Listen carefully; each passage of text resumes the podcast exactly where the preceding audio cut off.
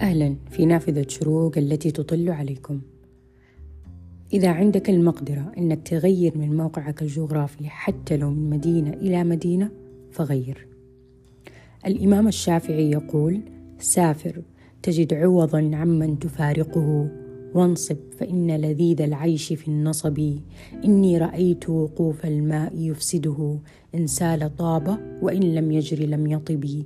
والأسد لولا فراق الغاب ما افترست والسهم لولا فراق القوس لم يصب والشمس لو وقفت في الفلك دائمة لملها الناس من عجم ومن عربي سافر فإنك ستجد عوضا عمن تفارقه.